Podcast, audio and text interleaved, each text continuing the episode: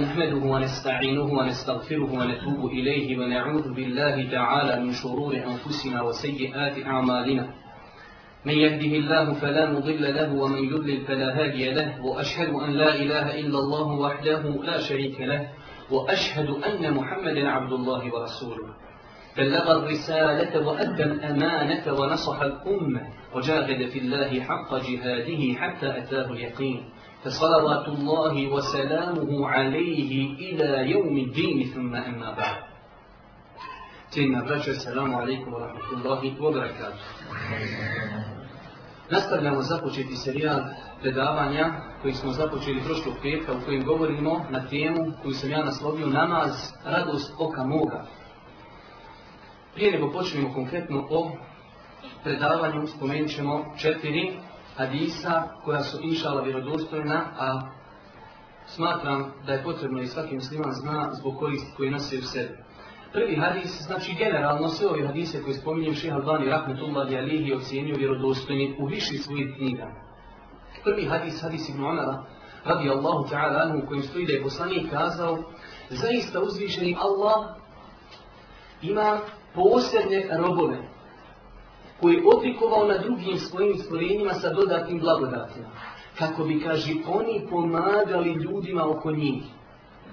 Pa kaže, sve dok oni činije tako i pomažu, Allah će ih ostaviti na tome.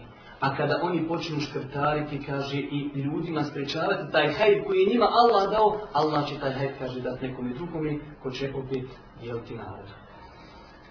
Drugi hadis, hadis Džabira radijallahu ta'ala anhum, Kaže Boži poslanik, kada bi čovjek bježao od napaki, kao što bježi od smrti, isto bi mu došla i napaka, kao što će mu doći smrti.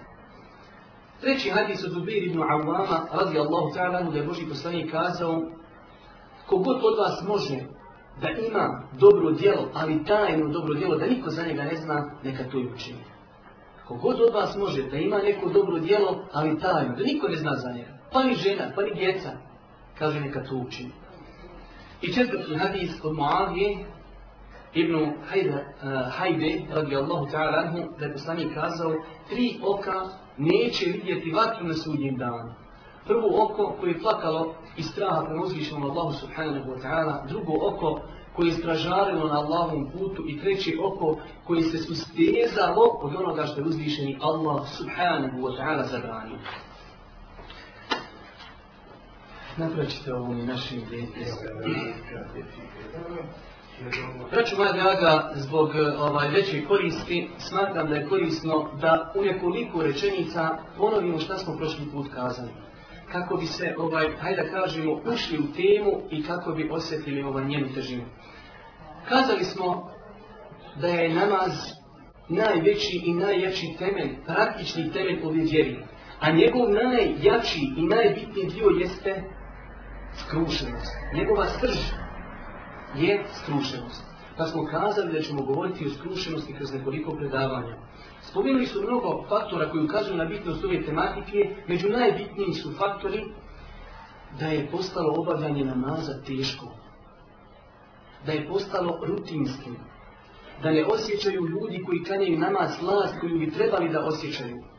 Da namaz koji uzvišen je Allah u Kur'anu opisao inna salate tenhanil fahša, zaista namaz odraća od loših dijela, primijetuje da velik broj ljudi ne osjeća tu korist namaza i izižu iz džamije i opet počnu sa istim gdjesima, što znači da na njih namaz nije ostavio skoro nikakvog traga.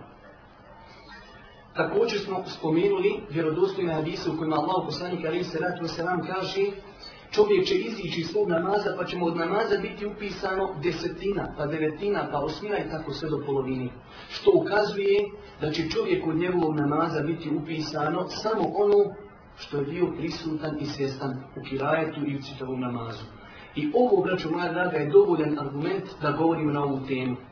Da pojačamo našu koncentraciju u namazu kako bi ako Bog da što veću korist imali. Kazali smo također da šeitan Allahu propisao neka je na njega do sudnjega dana, znajući kolika korist proizilazi iz namaza, mnogo se trudi da ljudima poremeti planove namaza.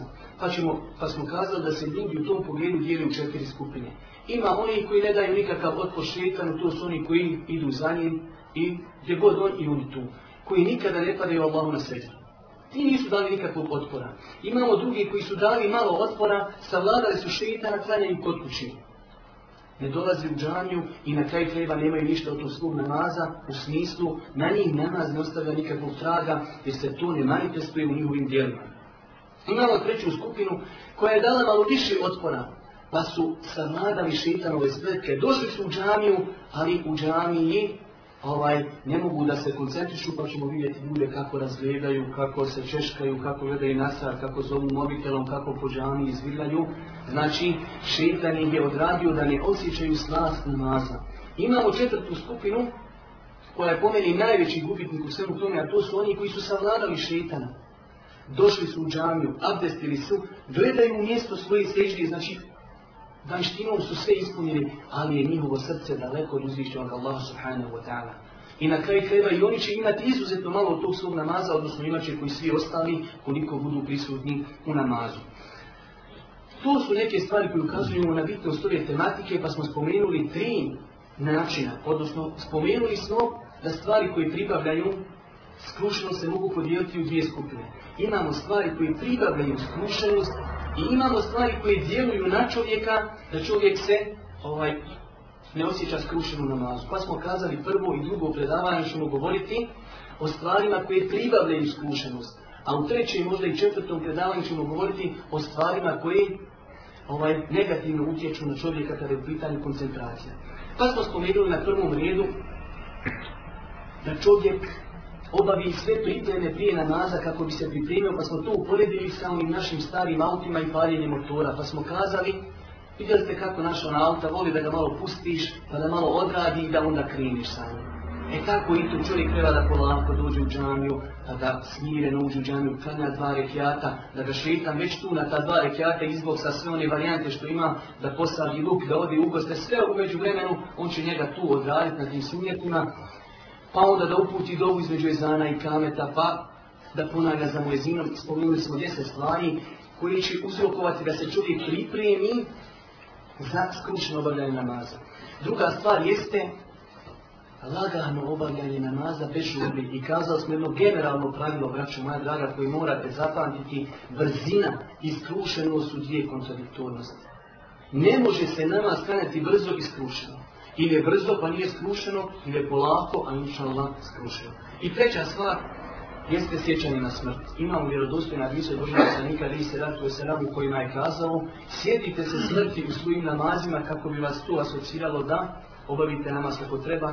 Imamo također hadise koji su vjerodostojni gdje kaže Allah poslanik ali se ratu o seram kada ustaniš da klanjaš namaz, klanjaj kao da ti je tu zadnji namaz, znači namaz onoga ko se oprašta sa dunjalka prije nego počnemo sa četvrtom stvari, četvrtim faktorom, samo da kažem, braću moja draga, crkom je Allaha, ja sam se najviše prepoznao s nebovom i što govorim, kod jedan.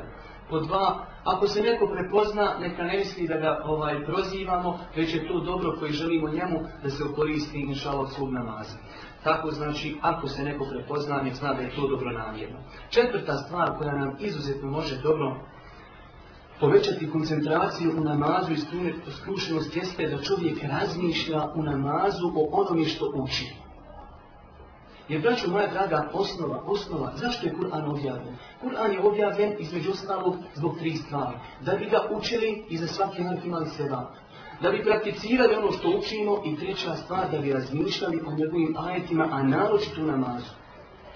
Kaže uzvišen Allah subhanahu wa ta'ala u suri sa 29. ajetu Kitabu enzallahu ilike mubarakun li jeddebaru ajatihi wa li jetezakara ulul elbar. Knjiga koju ti objavljujemo je mubarak, blagoslovljena. Da bi oni razmišljali o njenim riječima i da bi pouku uzeli oni koji razuma imaju. Zašto je Kur'an objavljen? Da bi se razmišljalo o njima. Ako pogledamo u namaz Allahog poslanika, ali se ratu wa To isti taj posljednik.